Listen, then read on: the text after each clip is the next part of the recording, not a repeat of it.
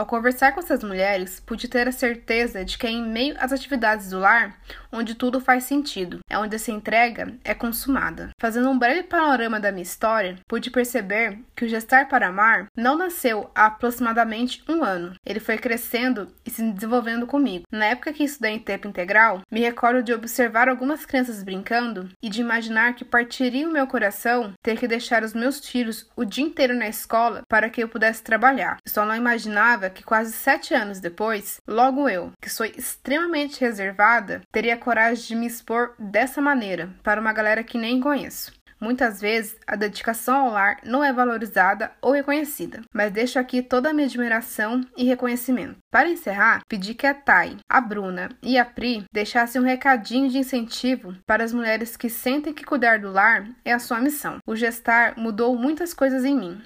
Espero que também tenha mudado algo em ti. Foi muito bom te ter por aqui. Obrigada pela companhia. Até mais. Tchau, tchau.